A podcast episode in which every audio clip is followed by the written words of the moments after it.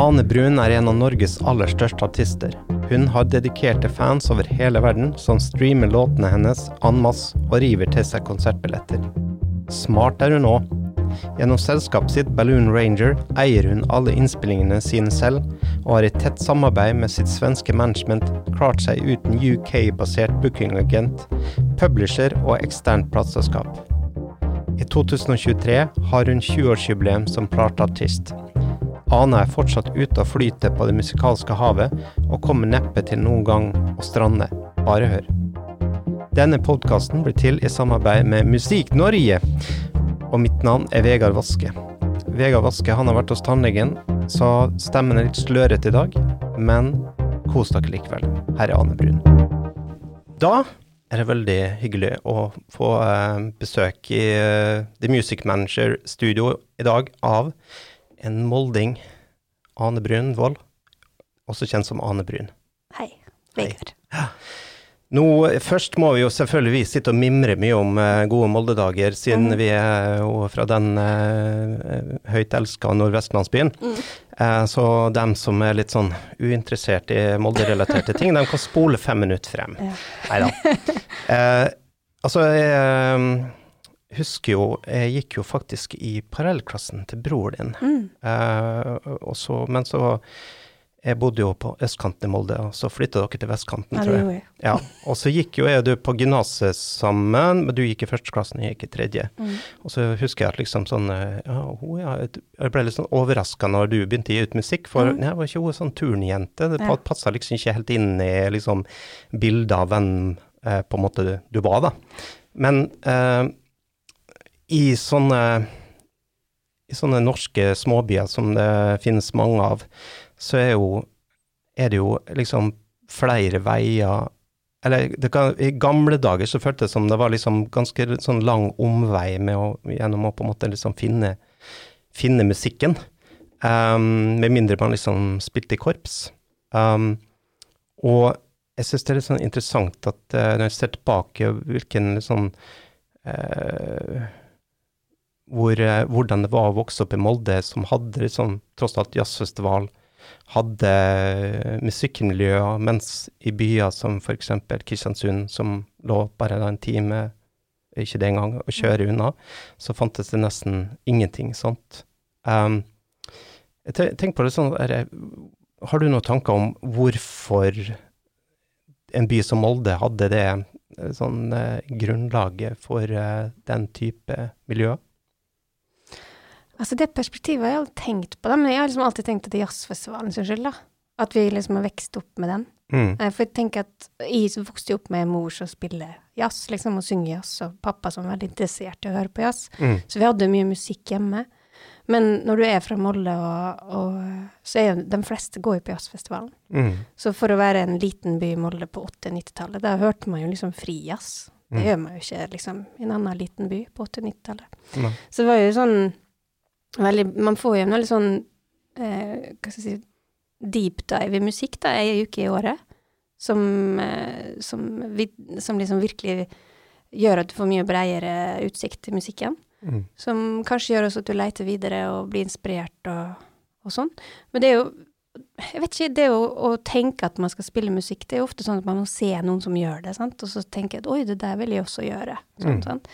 Eh, jeg vokste opp med mamma som gjorde det, så jeg så liksom noen nært meg som sto på scenen. Eh, men jeg kan ikke huske at det var så mye livemusikk ellers i Molde.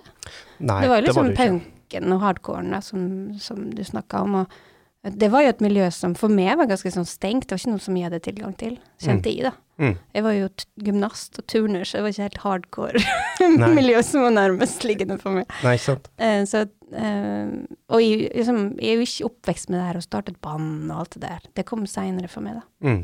Eh, så, men Molde Jeg vet faktisk ikke, jeg har aldri tenkt på det på den måten. Det kan jo være at det er masse innflytta eh, akademikere, jeg vet ikke Ja, for. Molde har jo liksom hatt sentralsykehus og mm, eh, fylkeshus. Mm, Har jo kanskje mest vært en sånn administrasjonsby og ikke en Mens Kristiansund kanskje var mer sånn eh, eh, arbeiderklasseby, på en måte. Mm. Og jeg, jeg har aldri tenkt gjennom det der, faktisk. Ålesund, der var det liksom bare sånn eh, fiskende blåruss. jeg føler at jeg ikke veit nok om det til å si noe om det, Nei, Det faktisk. Helt ærlig. Det fins jo en ganske sånn sosietet i Ålesund òg, da. Ja. Så Mm. Og så har du vel hatt en, en litt sånn til dels en litt sånn der eh, borgerskap slash småborgerskap i Molde òg. mm. Og jeg tenker kanskje litt om den der om den Altså at den eh, skal jeg si, jazzen var som punken på 50-60-tallet, og at det var litt sånn Fuck you, borgerskap, Mm, når vi starter ja. jazzfestival, liksom. Ja, det kan ikke være sånn. Mm. Ja, og kanskje det var liksom den der delen av det stengte mm. hardcore-miljø som du snakker om, ja, som. Mm. jeg var med på å Mm. bygge døra til eh, Dere var jo så tøffe. Ja, ikke sant. Så, så der, er- der tror jeg også at det handler en del om sånne type Mm. ting, da. Men, uh, uh, men uansett eh, så eh, det var ikke så det, Siden du har en mor som var aktiv eh, musiker, da, så fant musikken det veldig fort. Ja, altså jeg innså jo det Jeg spilte jo mamma er pianolærer og sanglærer og spiller mye sjøl og sånn, så jeg, jeg vokste jo opp med at det kom elever hjem til henne og lærte å spille piano og sånn. Og jeg lærte å spille piano, og det var liksom bare en del av vårt liv. Og søstera mi, som er blitt musiker også, samme, sant. Og hun uh, vokste jo opp når musikkgymnaset fant musikk videregående. Og da gikk jeg jo på det. Det fantes ikke noe i. Det var id- idrettslinje, liksom, det var ikke musikklinje. Eh, så det var, noe, det var kanskje lettere når den kom, at folk kunne liksom bare ta et lite skritt til sida og gå inn på musikk, da. Det var Mm. jo ikke der når vi bodde der. Ehm, men det var sånn Jeg innså jo når jeg da begynte å spille gitar når jeg var i 21, tror jeg jeg var. Da jeg flytta hjemmefra og liksom studerte i Oslo, plukka med meg gamle nylonstrenger hjemmefra og begynte å spille, og så begynte jeg å synge til, og da bare Synge har jeg nå alltid gjort, kjente jeg. Mm. Og det, når jeg husker tilbake, så har jeg sunget hele tida. Sunget jazzlåter, standardlåter sånne ting hjemme. Men det var jo aldri det Jeg gjorde det aldri for noen skulle høre det, eller det skulle være noe. Det var liksom bare noe jeg gjorde for at det var naturlig hjemme hos oss å synge. Så, så det var veldig sånn når jeg begynte å synge og spilte inn meg sjøl, så bare å, men jeg har jo en stemme, og jeg syns den er fin, og det her var jo helt naturlig for meg, på en Mm. måte. Mm. Og det å opptre også har vært veldig naturlig for meg alltid, gjennom turninger og dans og og sånn. Mm. Så det var en utrolig overraskende liten oppoverbakke å begynne å spille da, musikk for meg. Um, så, så jeg tror nå hele den grunnen med mamma og jazzfestivalen, eh, alt det der sammen gjorde at det føltes veldig naturlig når jeg først satte i gang å spille egen musikk, da. Mm.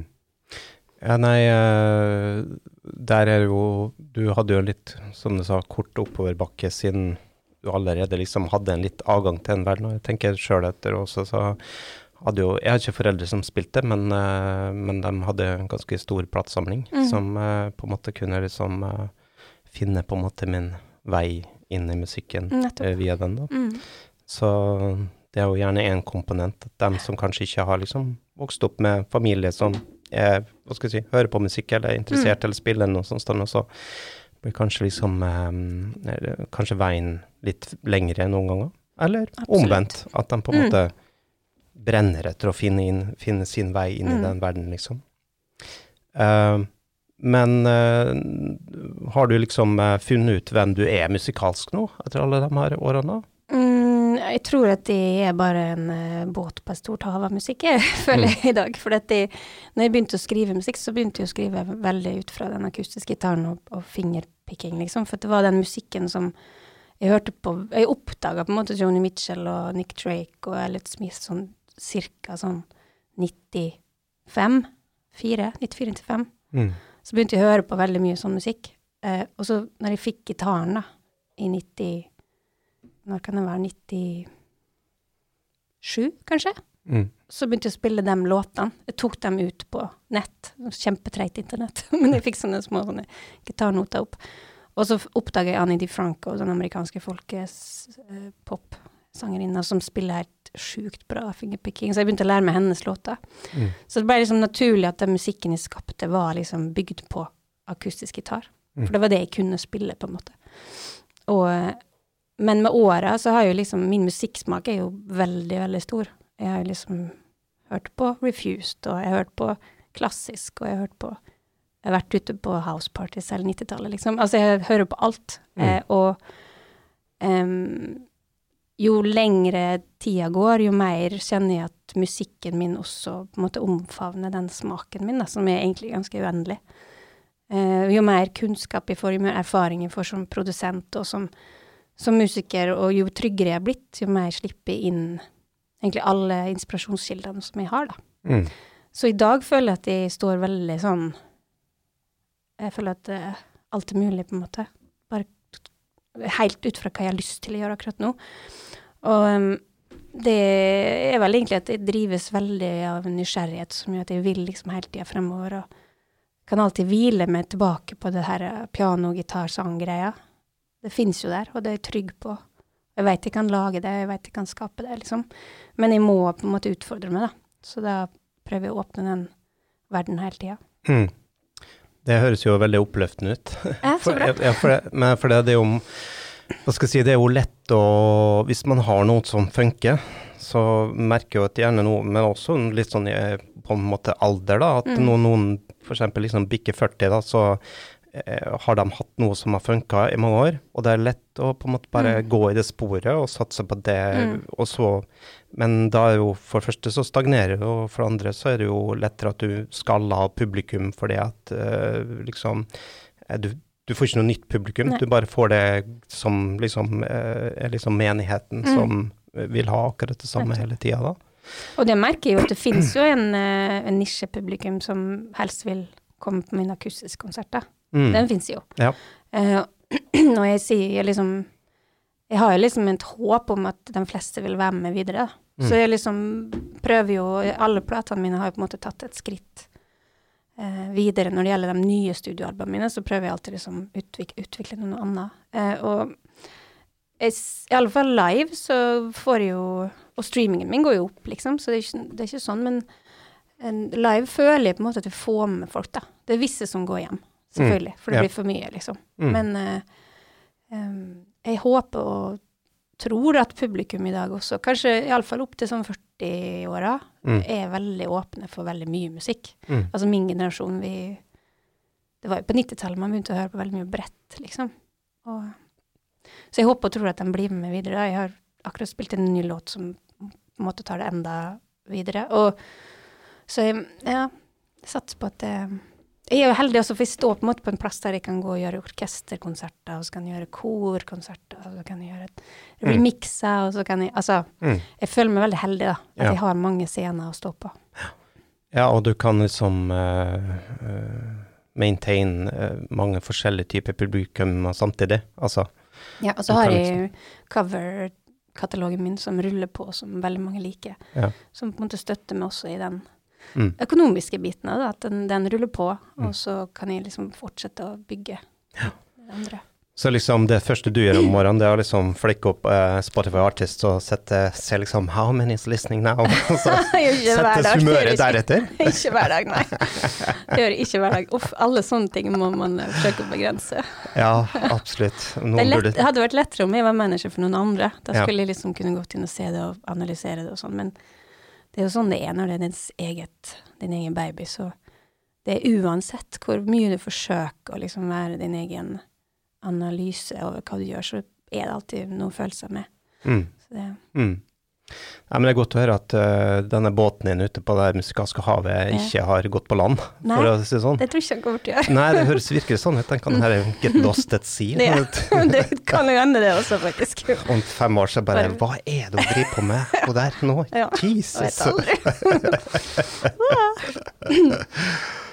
Um, uh, ja, men uh, du har jo du har jo eh, bodd nesten det meste av ditt voksne liv i Stockholm Mm. og i Uppsala, og flytta til Uppsala i to, 2000. Da var det et år, da. Ja. Så flyttet til Sverige, til Stockholm. Og um, hva Tør du å Nå kan jo ikke du sammenligne med Oslo, da, men eh, har du noen tanker om liksom, Ville karrieren din sett Ok, la oss begynne med musikken. Hadde musikken hørt annerledes, ut om du var basert i f.eks. Oslo? Jeg tror det, og det er litt ut fra hvem jeg traff der borte i Sverige. Um, det begynte jo med den der akustiske singer-songwriter-stilen, og den når jeg slapp førsteplata mi i 2003, da hadde jeg jo bodd i Sverige i tre år, og når jeg flytta til Sverige, så var jeg jo ikke jeg på de tankene at jeg skulle bli artist. Det var jo ikke der enda. Så da var det mer at jeg begynte å skrive og spille på kafé og sånn, men jeg holdt jo fortsatt på min akademiske akademisk utdannelse. Så jeg var jo ikke i det hele tatt uh, Jeg tenkte jo ikke at jeg skulle liksom leve på det der. Uh, men når plata kom ut i 2003, 'Spending Time with Morgan', som var den første, så var jo ikke den type musikk interessant i Norge. Det var liksom kassegitar. Dame med kassegitar. Mm. Det var ikke så interessant. Men i, i, Sverige fantes det da en bølge på det. Så jeg kom liksom på den bølga i Sverige og fikk um, veldig mye liksom um, hjelp av dem, da. Og, så var det jo også sånn at de musikerne jeg traff gjennom åra, sånn, påvirka selvfølgelig det jeg holdt på med. Eh, og produsentene. Og Sverige har jo en eh, ganske mektig scene, da, med folk som uh, Det er jo liksom Man må jo kunne si at det er hovedstaden i musikk-Skandinavia, kan man vel si. Mm. Og alle hovedkontorene ligger der, og alle sjefene er der. Og når jeg slapp førsteplata mi, så var det jo sjefen på V2 Music som tok distribusjonen på min plate. Og det hun gjorde dagen etterpå, var å sende den ut til alle europes, europeiske kontorer, som gjorde at den slipptes i hele Europa. Og det hadde nå ikke skjedd om jeg slapp sjøl i Norge i 2003. Mm. Så det var litt sånne ting som, eh, som spilte rolle på den tida. I dag er jo Norge en helt annen plass Mm. i musikkbransjen. Så infras god, god infrastruktur. Ja, det Mm. tror jeg, og det er jo liksom sånn det er, har vært i Sverige. At liksom, på grunn av all suksess som har vært der, så er det liksom åpne motorveier rett ut. Sant? Ja. Og man treffer folk på en fest, eller i et studio som har liksom en number one i USA, liksom. Og Mm. da blir det liksom veldig sånn, ja, det kanskje går an. Man ser at det går an. Og får ambisjoner etter det å strekke seg enda høyere. Mm. Tror jeg, da. Ja. Og det tror jeg vi kan kjenne i, i Norge nå, de siste åra. Så ser man det her òg, at nå begynner det å komme en sånn motorvei ut herfra også. Mm.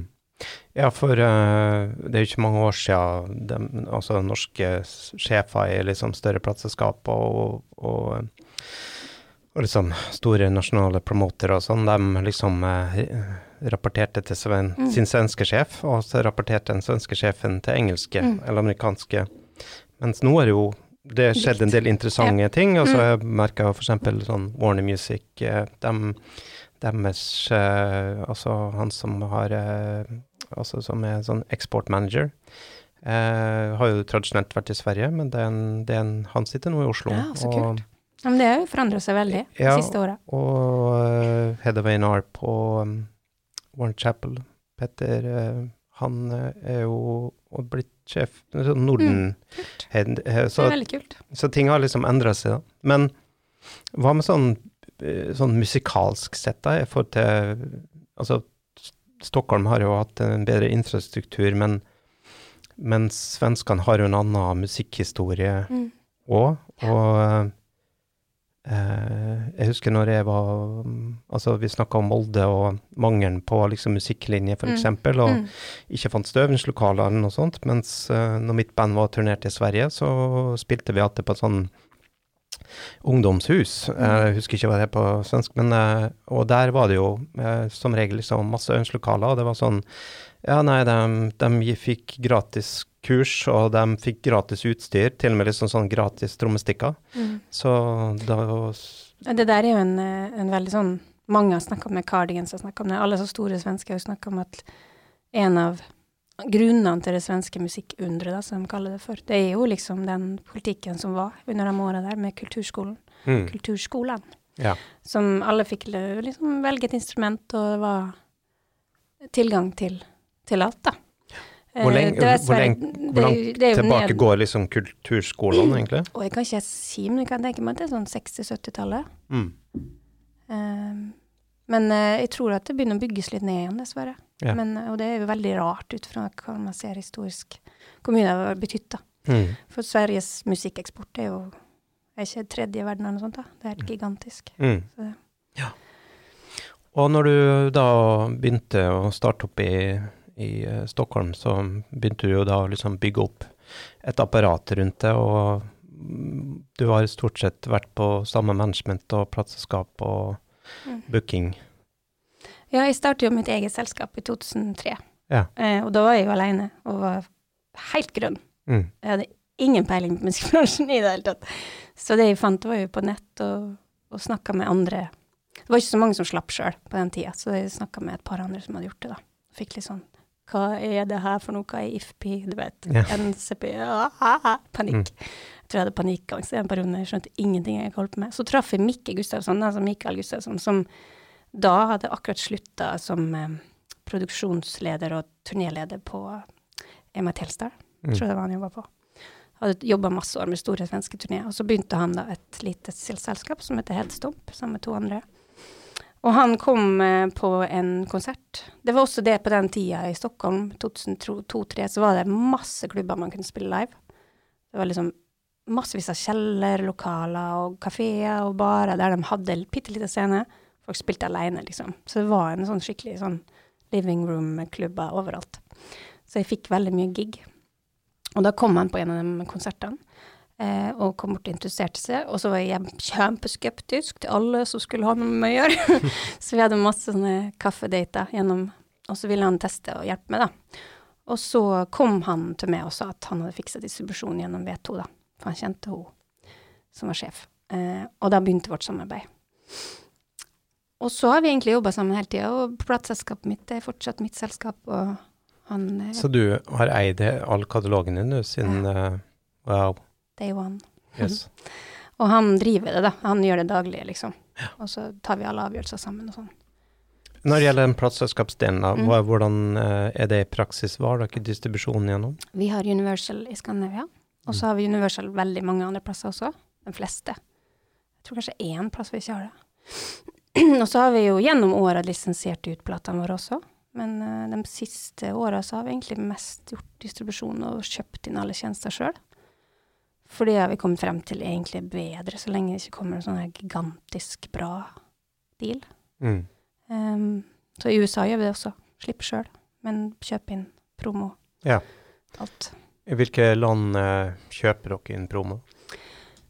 Uh, vi har gjort det i de fleste, når vi har gjort store albumslipp. Mm. Altså fleste, vi gjør ikke alle land selvfølgelig, men de viktigste områdene på en måte. Europa, USA, Canada, Australia tror jeg har gjort det òg.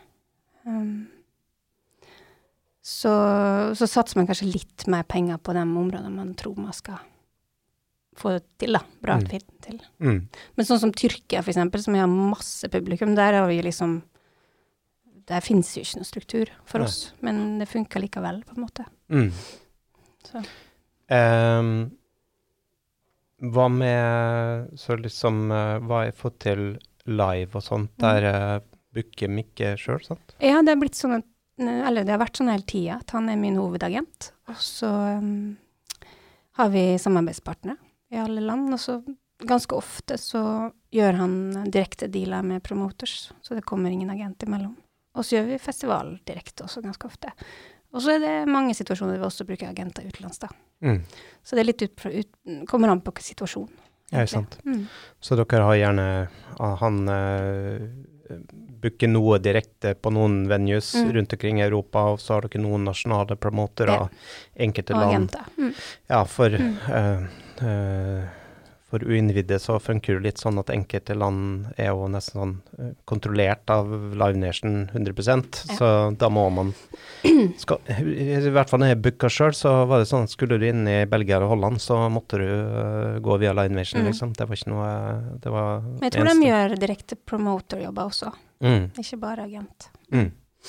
Men altså, du sitter jo på med egentlig med drømmemodellen her, da. At mm. man sitter uh, og eh, eier katalogen sjøl, uh, og kan uh, og har liksom dype bånd til flere som har vært liksom trofaste og jobber med dere mange år. Pluss at managementet booker direkte istedenfor å bruke en agent i England som Ja. har 400 andre artister, og eh, også blir en som på en måte skal eh, ha sin share av eh, inntektene og sånt. nå. Ja, jeg har en helt fantastisk situasjon. Ja, det her er jo takknemlig for eh, skoleeksempler på sånn man skal gjøre det. ja, så bra. bra, Mikke. ja, ikke sant. Uh, hadde kanskje vært litt mer utfordrende i 2022, Ah, som skal starte, men det kan vi komme tilbake til. Virkelig. Eh, hva med publishing, da? Det er egentlig samme der. Jeg starta eget forlag i, på 2000, et eller annet Når var det, da? 5, 2005, kanskje, eller noe. Og så gjorde vi en administrasjonsdeal med Sony, som jeg har hatt siden da. Mm. Så jeg eier alle rettighetene der også. Ba administrasjonen vil det si at de bare kollekter, eller? Ja, det gjør de vel. Selvfølgelig øh, ligger man jo i deres synkbevissthet også. Ja. Eh, så. Eh, hva er forholdet til liksom synker, altså eh, musikk i reklame og film og TV? Mm. Eh, er det noe som bare kommer innimellom til dere, eller er det noe dere finner Det er vel eh, både og, tror jeg. Proaktivt og passivt, for å si det sånn. Vi får jo, for det meste så får vi jo det til oss, at det kommer en mail, og, Mm. enten gjennom Sony eller direkte fra en Mm. eh, musikksupervisor eller noe. Så. Ja, så dere bruker ikke sånn sync agencies? Jo, vi eh, har, vi har noen sånn tjeneste. Jeg husker ikke helt hvordan vi bruker, men vi har en sånn tjeneste vi bruker. å- Ja, for det finnes jo enkelte på. sånne type byråer, spesielt Mm. England og USA, som jobber Jeg, med jeg tror vi har noe sånn eh, samarbeid med noen, men jeg husker ikke helt hva de heter. mm. Og hvilke markeder du har det aller største publikummet, da? Eh, skal, altså live, eller? Eh, la oss begynne med streaming. Ja, det er, det er den Sverige, Norge, Danmark, selvfølgelig, Finland. Og så er det GAS, eh, som er Tyskland, Øst, ah, Germany, Austria, Switzerland. Og så er det Benelux, eh, Nederland og Belgia. Og så er det England, faktisk. Det går veldig bra i England. Og så USA. Og streamingen er jo også veldig sånn eh, interessant, for den går jo så veldig opp og ned ut fra hva som skjer. For det syns jeg er spennende i, den tida vi lever da. At Mm. Jeg har også veldig mye publikum i Tyrkia som hører på musikken min, og jeg har masse Iran, men de hører jo ikke på de vanlige kanalene. Mm. Eh, og så har jeg Hvilke kanaler får dem i Iran? jeg lurer på om de går med seg Telegram og alle disse tingene der. Altså Ah. YouTube og Mm. de har tilgang. Ja. Eh, og så er det jo sånn, sant. Jeg har en del synker, faktisk, TV-serier og filmer. Og for eksempel, så ikke kjempelenge siden, så hadde jeg en låt i en polsk kriminalserie. Og når den da kommer opp på Netflix, så ble den topp fem på Netflix. Og da er det jo boom, så er jo den låten streama over hele verden. Mm. Så det er jo veldig spennende, syns jeg, med Netflix og sånn. For at uh, før var det jo sånn, kanskje en BBC-serie, sant. Så da så man det veldig tydelig i England. Boom, så var det liksom masse stream i England. Når det kom Peak Blinders, for eksempel, har jeg en låt som, som har gjort veldig mye for meg, da. Mm. Uh, og da ble det jo veldig stort på alle som så på britisk TV, sant. Og så, um, men nå er det jo Netflix og sånn, jo HBO og alt det der, det gjør jo at det blir globalt, da. Mm. Uh, det er veldig spennende å se. Det er veldig kult når sånt skjer. Man ser låten slippes, uh, eller serien slippes, og så går det ei uke, og så bare ser man streken bare går opp, Bom! Mm. Så det, det er jo veldig Så derfor er det vanskelig å si liksom eh, sånne generelle ting for hvorfor ting går bra her og der, for det ofte er sånne ting som spiller inn. Mm. Men uh, for eksempel litt et, eh, ta Holland, da, som Mm. sikkert har vært et veldig Ja. sunt marked for det, Mm, det eh, versus Italia. Mm. Eh, hvorfor eh, er folk i Holland eh, mer åpne for musikken enn italienerne? Altså, jeg tror ikke det har så mye med musikken å gjøre. Jeg tror faktisk her er det mer infrastruktur. For at jeg kom inn i Holland veldig tidlig, og V2 Music da i 2003, da, som signa med, de har vært ja, fantastiske gjennom alle år. Og vært veldig, satsa veldig mye på meg, selv om eh, Altså, de, de så meg som sin artist på en måte i mange år, eh, og fortsatt gjør jo de samarbeid med oss i mange år. Og de jobba veldig mye med meg, så de bygde opp en veldig sånn Så jeg turnerte i Holland fra dag én, liksom. Mm. Spilte masse der. Og bygde opp et publikum. Så det er, det er alltid masse folk når jeg kommer dit. Italia har ikke vært samme struktur for å turnere for oss, for meg. Altså, vi har ikke fått det helt til, tror jeg. Jeg vet ikke helt hvorfor, men um, Og dermed heller Jeg har vært der og promotert og hatt uh, intervjuer og sånne ting gjennom åra. Men er liksom aldri Jeg vet ikke helt hvorfor, men den strukturen har ikke funka like bra, da. Nei. Så det kan være derfor. Mm. Og så er det jo synge på engelsk og Jeg vet ikke helt hvor I Syd- Syd- Syd-Europa så er jo ikke engelsktalende musikk så stort som det er kanskje litt lenger oppover, da. Mm. Holland er jo veldig sånn foregangsland. Brukes jo mye som en sånn testmarked for britisk og amerikansk musikk og sånn. Jeg har iallfall gjort det før i tida, Mm. for de er så åpne for alt. Mm. Så, så det kan være det, da. Men sant, min melankolske del av min musikk passer jo også veldig bra i akkurat Syd-Europa og sånn også, da. Så det Mm. er litt sånn Jeg tror ikke jeg har helt funnet min plass der enda. Nei. Nei, det er nok, eh, når du sier det, veldig mange på en måte komponenter som kan spille inn. Det blir kanskje sånn her at Palermo de har veldig få uh, turnerende band Mm. innom like få som Alta, liksom. Fordi at det liksom ligger liksom kronglete til, Mm. og det er kronglete land. Mens, mens Holland f.eks. er jo er like stort som Oslo fylke eller et eller annet, og er masse svære byer Mm. med mye høy, Bra scene. Ja, mye Veldig høy sosial kapital. Um, Ja. Og um, ja, og så er det vel også litt sånn jeg tenker etter eh, sant? De har mange store, sterke festivaler og sånne, men Mm. de festivalene trekker jo til seg folk fra England og Tyskland, og så har du eh, jo eh, selvfølgelig litt som eh, marihuana, eh, og Mm. Ja, Mm. det er mange ting som Men det er spennende med publikum i Holland, jeg må si det litt kort. De, de er også veldig mobile. Så de, om de bor i Amsterdam, så reiser de gjerne to timer bort og ser en konsert. Mm. Er helt vant til det, på en måte. Ja. Så det gjør ingenting om vi booker bare én. Nå, nå, neste turné skal vi booke en turné. Da spiller jeg i Utrecht, som er en time fra Amsterdam. Mm. No problem. Amsterdamerne drar dit allikevel. Mm. Så det er liksom en sånn type Det, det er litt annerledes enn i Norge, da. Mm.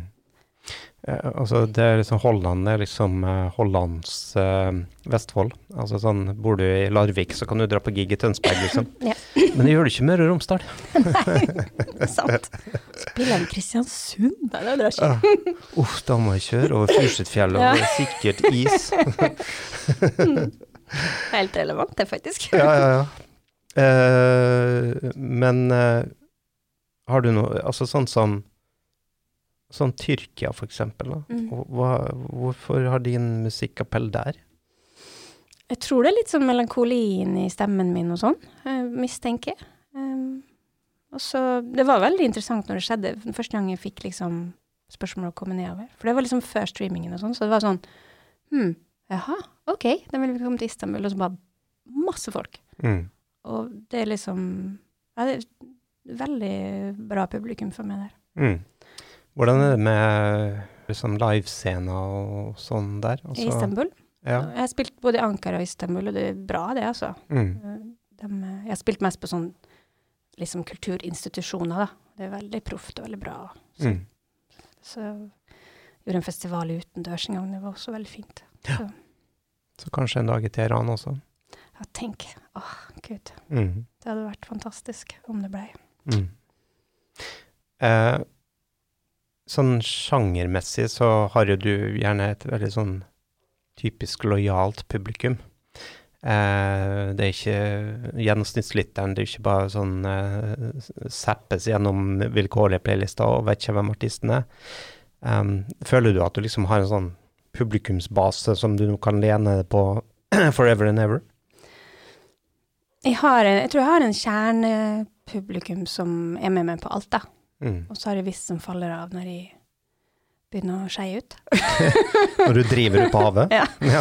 Nei, men jeg, jeg har eh, Det er jo interessant. Jeg har jo også streamingmessig så har jeg jo på en måte to scener. Den coverplata mi som jeg slapp i 2017, pluss alle de andre coversene mine, streamer jo veldig, veldig bra. De Mm. på mange playlister og sånn. Eh, så der har jeg liksom et publikum som kanskje er litt udefinert, hvem Mm. de er. Mm. Men det, de som kommer på konsertene mine, de som kjøper platene mine og hører på albumene mine, er en albumartist, sant, når det Mm. gjelder eh, eh, sånn generelt. Mm. Eh, så de er vel kanskje over snittet litt interessert i musikk òg, da. Mm. Hører på fulle album og leter etter musikk og sånn.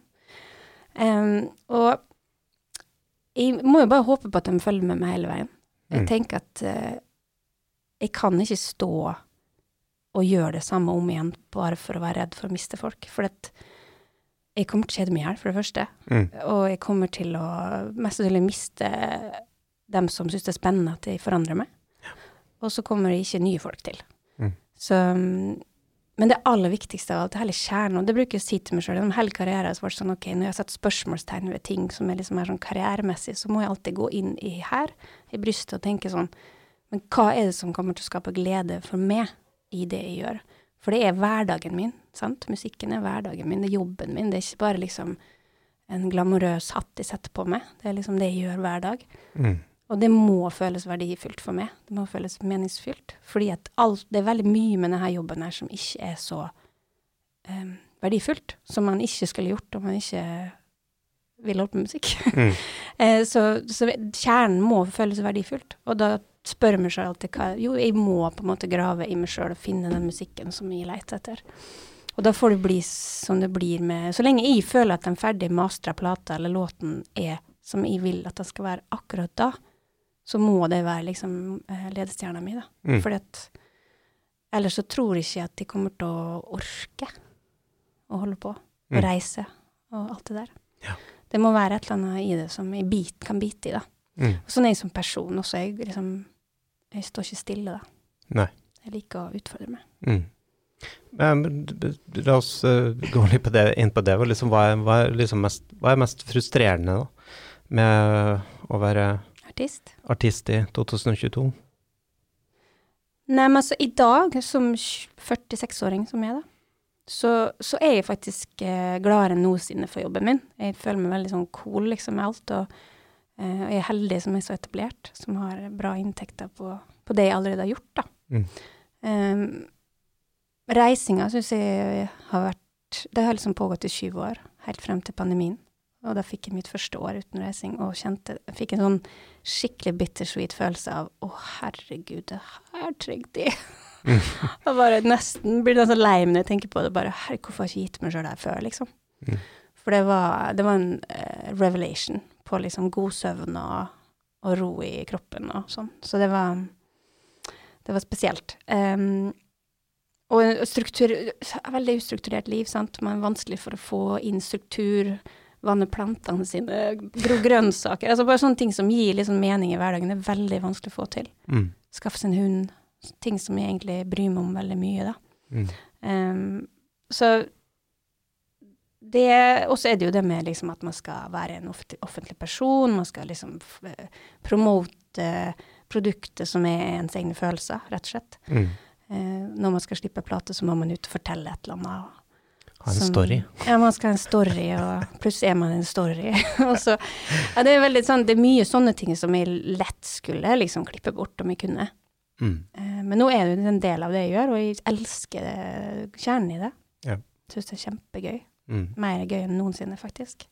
Men det er jo et himla kjør eh, med det å være artist, og så tenke på sånn Altså, jeg hører jo yngre altså liksom artister som er veldig sånn TikTok-artister. De eh, syns jo det er ekstremt slitsomt å være det. Ja, okay, jeg tenke meg.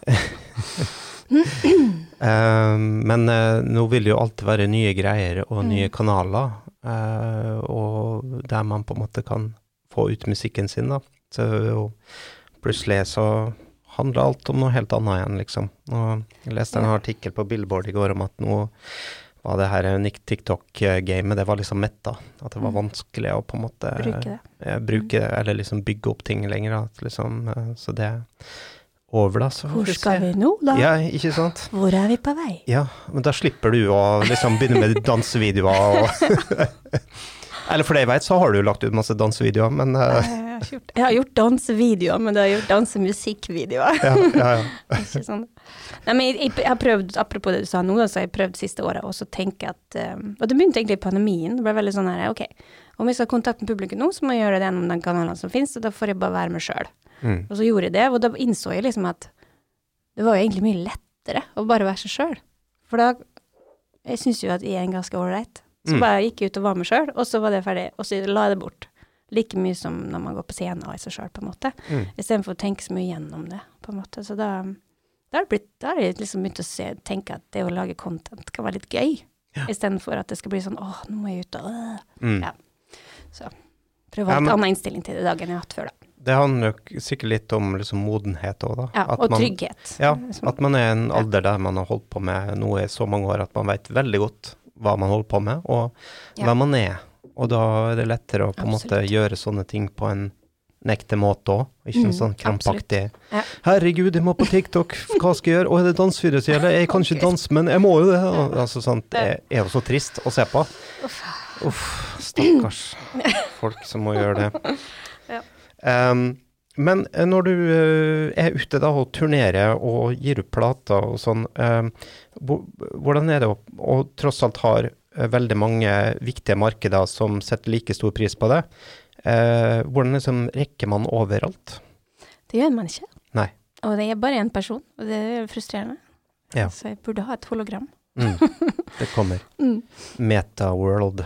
Anna Ja. Brun. Å, fy faen. Mm. Nei, men det kjenner jeg jo på, men det må man, det må man komme til et punkt der man bare aksepterer, tenker jeg. At uh, jeg har gjort USA-turné, altså, det vil jeg ikke gjøre hele livet. Nei. Det er slitsomt.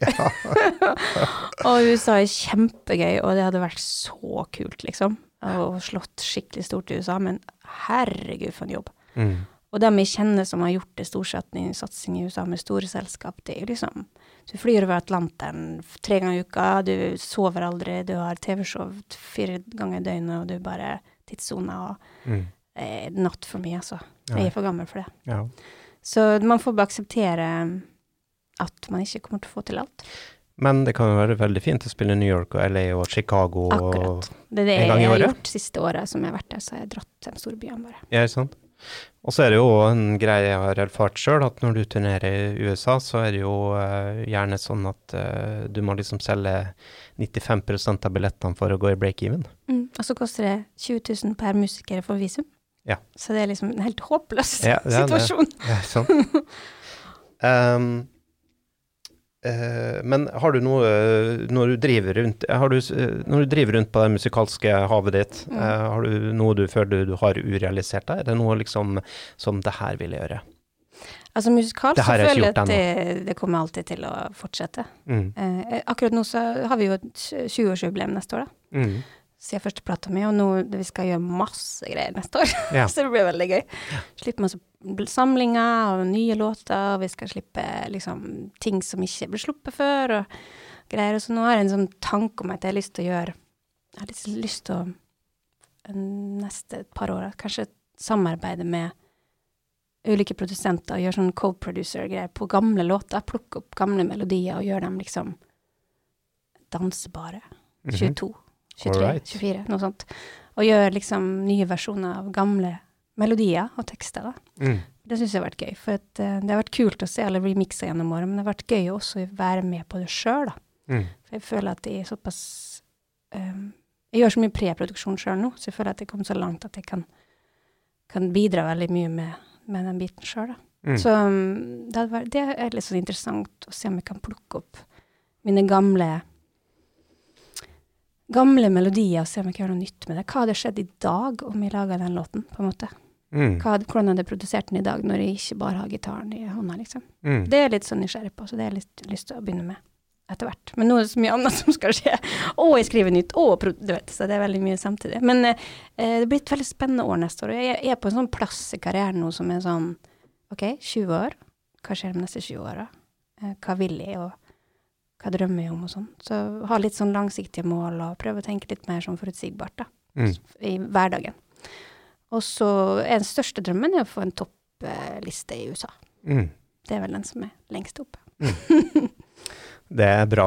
Mm. Og, og Ambisjoner. Ja, men altså, hva skal jeg si, ingenting er umulig nå. Altså, det, det er liksom enda mer åpnere nå, på godt og vondt. Ja, det det. Ehm, med, du ser i USA, du trenger ikke å synge på engelsk lenger for å liksom. Anything can happen, liksom. Mm. Men uh, litt interessant det der du snakka om i forhold til liksom, å gå tilbake og finne sånn eldre låter, og, Mm. og hvis du skrev det nå, ville, hvordan ville du gjort det nå? Jeg har ofte tenkt på at liksom sånn herre Hvis du ser på et eldre album, da, du får det kanskje en ny utgave der det liksom ny miks eller ny Mm. master, Mm. men det er liksom ingen som går tilbake og liksom bare sånn Ja, øh, nei, jeg tok bort det partiet i den låta der, Mm. Mm. for det var ikke helt bra. Eller jeg la til et parti. Ja. Det hadde vært spennende, altså. For Ja. det er min låt, så jeg kan gjøre hva jeg vil. Ja, men Så, sant, for ja. jeg mener, det er litt sånn, sånn Hvorfor forholder man seg til musikk som eh, ligger bak oss på en sånn uorganisk måte? Mm.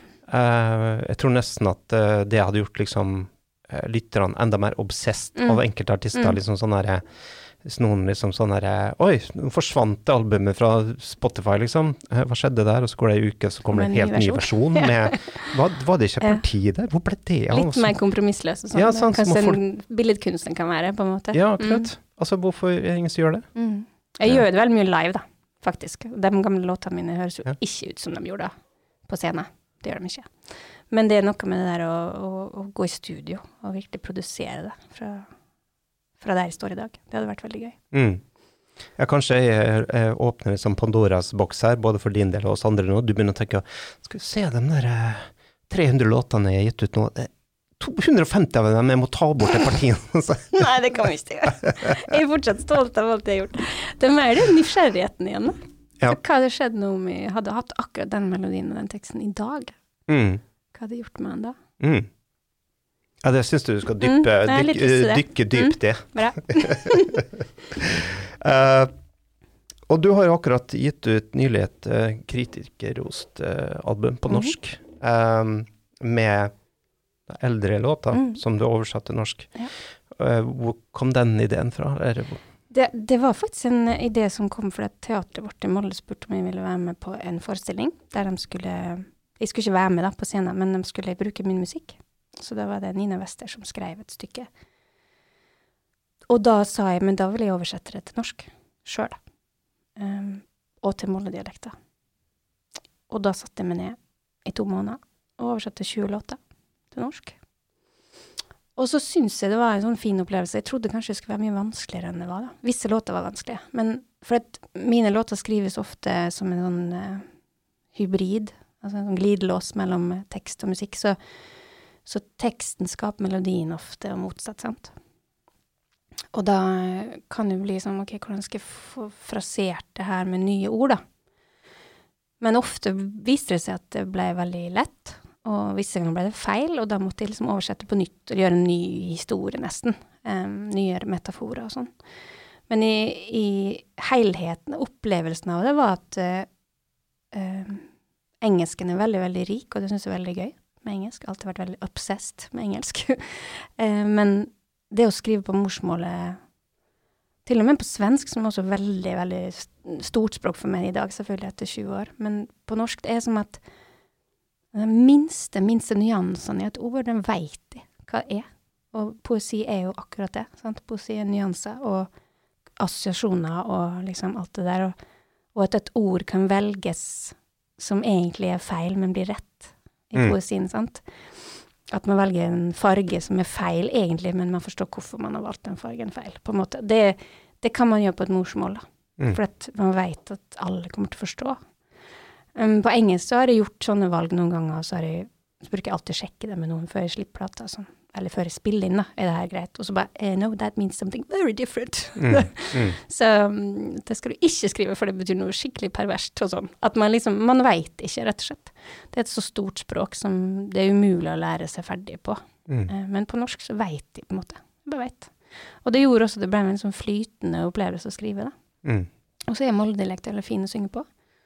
Eh, eh, bokmålet er jo langt borte fra meg. Det er liksom alltid føltes veldig langt borte rent musikalsk å synge på. Så, men når jeg plukka frem den, så var det Den er jo veldig så mjuk, da. Det er mye vokaler og, og forkortninger og slutten av ord og sånn, så det, det er liksom Det er ganske lett å synge. Mm. Så det, det som skjedde, var at jeg liksom syns mange av tekstene ble såpass bra på norsk at jeg hadde lyst til å spille det inn. Mm. Og da, til slutt ble det da en plate på jeg vet ikke om det er tolv låter eller noe sånt. Vi la inn også de to norske som jeg skrev før, da. Mm. Inn i den plata. Følte du at låtene fikk en sånn annen feeling, eller form? Men ikke annen form, men du får en annen klang når du synger på norsk. Og så tror jeg at for dem som har norsk og svensk og dansk og sånn som morsmål, så, så kommer det nærmere for folk, da. Det tror jeg. Mm. Men ble det først liksom Hvis du hadde en låt som kanskje var ganske melankolsk, da, Mm. ble den mer melankolsk på Molde-dialekt enn på engelsk? Jeg tror det kommer an på hvem som hører på. Mm. For tekstene mine på engelsk har fått veldig mye liksom anmeldelser og kred i utlandet. Når jeg er i England og USA, så skriver de mye om tekstene mine. Men det gjør de ikke her, om mine engelske tekster. Uh, så jeg tror det handler litt om hvem som hører på det, da. Mm. For jeg har jo alltid vært kjent som en the suicide, the Scandinavian suicide scene musician, liksom. Ute også. Så mel- melankolsk, deprimerende musikk. Alle blir veldig forvirra når jeg kommer og er sånn glad Håper du ikke har noen liv på samvittigheten? Nei, nei, absolutt ikke. Nei, men det var morsomt. Jeg fikk definert meg en gang i, i Canada som at jeg var part of the Scandinavian suicide scene. Oi, wow. Så det var veldig fascinerende. Det var på den tida. Ja. Um, men iallfall så På tide noen puster liv i den scenen. igjen. Ja, sant. Nei, men um, hva jeg skulle si Jeg føler at eh, for meg, når jeg hører på tekstene nå, så skjønner jeg at vi her oppe hører på Jeg skjønner at det går fortere inn, da. Gjennom eh, morsmål og gjennom Eller et språk som ligner, på en måte, på det vi sjøl synger. Eller det snakker. Og for det opplever jeg når jeg står i England og synger min tekst, så opplever jeg at oi, fuck, nå synger jeg rett inn til deres hjerner, liksom. Her er det ingen filter. Mm. Så det spiller noe Og det var fascinerende her om dagen jeg så på P3 Gull. Så bare tenkte jeg herregud, det er sikkert 90% av alt som slippes er norsk. På Ja. norsk. Ja. Til ungdommen. Og det er jo liksom Det er ikke mange år siden Det det, ikke var sånn. tid, altså. Ja, Ja. det er det. Det er fascinerende. Og Sverige samme Det er jo veldig mye svensk på svensk. Og det er liksom fint, på en måte. Mm. Det er kjekt. Mm. Det er fint, for det betyr jo at folk tar til seg tekstene. Ja. Og syns det er viktig. Nei, det er jo eh, I forhold til det med bokmål, da, så jeg har liksom lest veldig mye svensk lyrikk. liksom Thomas Tranströmer, Lars Gustafsson, uh, Sonnevie og sånn, veldig glad i det. Og føler at svensk lyrikk eh, altså, funker så veldig godt fordi at uh, den har en helt annen liksom type type bunn og, og, og er mye mer lyrisk, da. Jeg heter Det blir liksom annerledes enn jeg heter. Mm. Eh, og jeg husker en gang jeg, jeg, Speaking of, inspirert av liksom svensk lyrikk. eh, Når jeg spilte liksom punkalka-band, så var jeg veldig inspirert av de her poetene her, da. Så vi prøvde da liksom å gjøre lyrikk, da, lyrikk, med da med, Ja, på liksom i hardcore. Det funka jo ikke helt eh, hos kjernepublikummet, kan du si. um, men um, Jeg visste ikke. Anyway, men jeg, spør, men jeg spurte en amerikaner liksom sånn her, ja, funker det her? Altså måten jeg skriver de tekstene her på. Og så sa han noe sånt som, eh, it works because you got a different entry to our language than we do. Uh, so you can see it from another, dis, uh, liksom, eh, ikke distance, men angle. Mm. Og det er egentlig ganske interessant at når du bruker det engelske språket som ikke er morsmålet ditt, så kan du egentlig liksom nesten lage metaforer som dem som bruker det til vanlig, kanskje ikke er i stand til å skape. Mm. Tenk på Vresvik, eksempel. Mm. Som egentlig var hollandsk. Ja. Skrev helt fantastiske svenske tekster. Mm. Som sikkert ikke en vanlig svensk kunne skrive. Nei. Så det, Nei, så tror ikke man trenger å ha noe dårlig sjøltillit eh, når man kommer fra Norge absolutt og ikke. til å synge på engelsk, da. Så lenge man sjekker at det liksom ikke er feil, da. Ja. På feil måte. Mm. For det er viktig. Ja, ikke sant. Ja, det er jo sant. Det er jo et minefelt der i forhold til liksom, Mhm. hvis man tråkker litt feil, så Det kan bli veldig dumt. ja. Da kan man bli kansellert. Det er Eh, morsomt når man får sånne her mailsvar fra en sarkastisk engel som er bare No, you should not write that. Definitely not. oh. Du, det har vært veldig hyggelig å ha det her. Mm, Veldig kjekt å være her. Ja, og eh, med litt sånn siste avrundingsspørsmål, da. Mm. Liksom, hvis du var Ane Brun, eh, 20, som flytta til Oslo i dag, med, med, kom med eh, liksom kaste gitaren på toget på Oslo S, hva, hvordan kommer Ane Brun anno Herregud, jeg ser meg. Ja. Jeg vet ikke hva jeg skal si når de spør meg i dag, ungdommene spør hvordan skal jeg gjøre det her, da? Uh. Jeg vet, altså, herregud hvor vanskelig. For når jeg begynte, så var det jo sånn at vi kunne selge Jeg spilte på den kafeen i Stockholm, så solgte jeg kanskje 20 plater. mm. Det betyr at jeg gikk hjem med 20 ganger 100 kroner, liksom. Og kunne betale teksten hjemme, og kanskje betale lydtekniker om jeg hadde det. Um, I dag er det jo ingenting sånt. Du får ikke noe cash i hånda for at du spiller, eller altså Og du må Du må jo vente ganske lenge for å få penger for at du har streama, eller Altså, det er jo Så det er jo på ene sida det er en sånn utrolig dobbelthet, sant. Du er på en side helt fri. Du kan gjøre hva du vil. Du kan slippe musikk sjøl, uten noen. Og på andre sida så er du kanskje mer avhengig av bransjen enn noensinne. Fordi at du må ha cash. Om du ikke har penger, da, så må du ha forskudd, og du må liksom komme inn på en annen måte. Du skal leve sant, samtidig. Så det er jo ja, det er en veldig, veldig kompleks situasjon. Så det jeg bruker å fokusere på når jeg For jeg får jo spørsmål i og med at jeg har sluppet sjøl, og så er jeg 20 år, sant, så får jeg mange spørsmål om hvordan man skal gjøre ting og sånn. Og jeg tenker at det viktigste av alt er at man må, altså på det jeg sa i stad, man må gå til kjernen, så man må gjøre det beste man kan, den beste musikken man kan, som man syns blir bra. For at har man det i hånda, da har man iallfall et utgangspunkt. Men alt det andre rundt omkring man må vente med. Først må man stå med en fantastisk låt eller en fantastisk plate i hånda, så kan man begynne å jobbe, liksom. For du har ingenting ellers. Og du må kunne stå for det du har laga. For det er det eneste utgangspunktet du har for å komme ut. Så liksom først og fremst fokusere på å lage noe helt fantastisk. som du syns er fantastisk. For du skal sitte der og promote det fra hjertet, liksom. Mm. Og så em, kanskje se om du finner en samarbeidspartner som kan hjelpe deg, eller Men det er jo en jungel, altså. Fy faen, nå er det masse, altså. Mm. Det er, slippes det 100 000 om dagen eller noe sånt låter eller noe. Det er helt absurd, altså. Mm. Og det merker jeg på meg sjøl, at man får en annen relasjon Og det aller meste av det er liksom fra helt decent oppover. Det er jo Ja. ikke dårlig heller. Nei, det er akkurat det. Så skal man komme gjennom det bruset, da. Og da blir det også På en måte så gjør det også at musikk blir litt upretensiøst også, som kan være bra. Jeg merker det sjøl når man skal slippe musikk i dag, så blir det litt sånn Man slipper noe hver tredje-fjerde uke, for det er litt som å kaste perler ut og se om noen plukker den opp, liksom. For det er så mye musikk. Så um, det kan også gjøre at man blir litt mer avslappa, som er bra. At hver, eh, hver slipp blir ikke så liksom anstrengt, kanskje også. Så jeg vet ikke. Mm. Det er mye Det er en helt ny verden. Det var en venninne av meg som skulle slippe noe for første gang på fem år, og, var, og hun gjør også sjøl, og bare så her Herregud, det er som at du må lære alt på nytt. For det er forandra så mye bare på fem år. Mm. Men eh, det er jo noe med altså sånn, Du er jo kanskje der du er i dag, altså av mange grunner, men Mm. ehm, Og vært privilegert fordi at du kunne bygge det opp i den tiden du bygde det opp. Men samtidig, liksom, det har jo ikke bare vært en dans for rosa for det heller, men at også at ting handler veldig mye om eh, liksom eh, volum og stamina, liksom. Altså at man på en måte eh, gir ut veldig mye òg, da. Jeg er jo heldigvis en sånn fyr. Type. en sånn type som eh, går litt Jeg blir litt sånn pep. Jeg blir litt sånn Jeg har en sånn derre at jeg liker å bli ferdig med ting, da. Så jeg er ikke sånn som sitter med masse ting i skuffa. Nei. Da jobber jeg til den er bra nok, og så får den ut. For jeg, jeg vet folk som jobber på album i flere år. Sånn Mm. er ikke jeg, da. Jeg er veldig sånn modig med å slippe ting. Mm. Så lenge jeg ikke rødmer når jeg hører det, så. Så lenge jeg føler at jeg står for det. Mm. Så um, det tror jeg har vært en Jeg er en konstruktiv person. Så det tror jeg har hjulpet meg, da.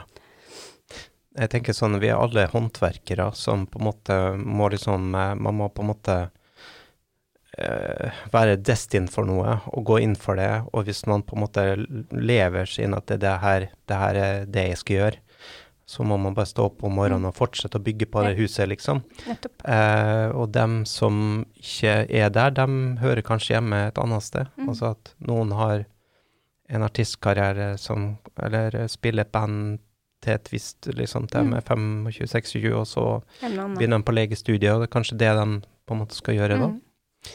Men jeg tror det var for viktig at eh, folk eh, Og at kanskje at det har forandret seg, at man må gå litt mer, enda mer liksom i Før så var kanskje dialog sånn at du ga ut en, en CD, eh, noen hørte på det og liksom likte det hjemme, mens nå liksom eh, liksom eh, liker dem mellom, gjennom å putte i playlistene og på en måte trykke like når du putter noe på socialsene dine, og være til stede på konsertene og sånn, sånn at det er mer og mer sånn at det, musikk ikke, kan ikke være enveis lenger. Mm. At noe du trer igjen nedover hodet på noen, Ja. men at det blir mer og mer en dialog med Og det er jo fint, for det er jo det musikk er, egentlig, også. Det er jo en kommunikasjon. Mm. Så den biten er jo litt fin, om man omfavner den, så er det en fin ting også. Ja. Så, men man må jo ha plass til det. Man har mange, mange lyttere, så det er ikke plass til å møte alle. Nei, ikke Men sant. eh, man får liksom prøve så godt man kan. Ja. Ja, men du, det var fine og avrundende ord. Så tusen takk for besøket, Anne. Takk for samtalen.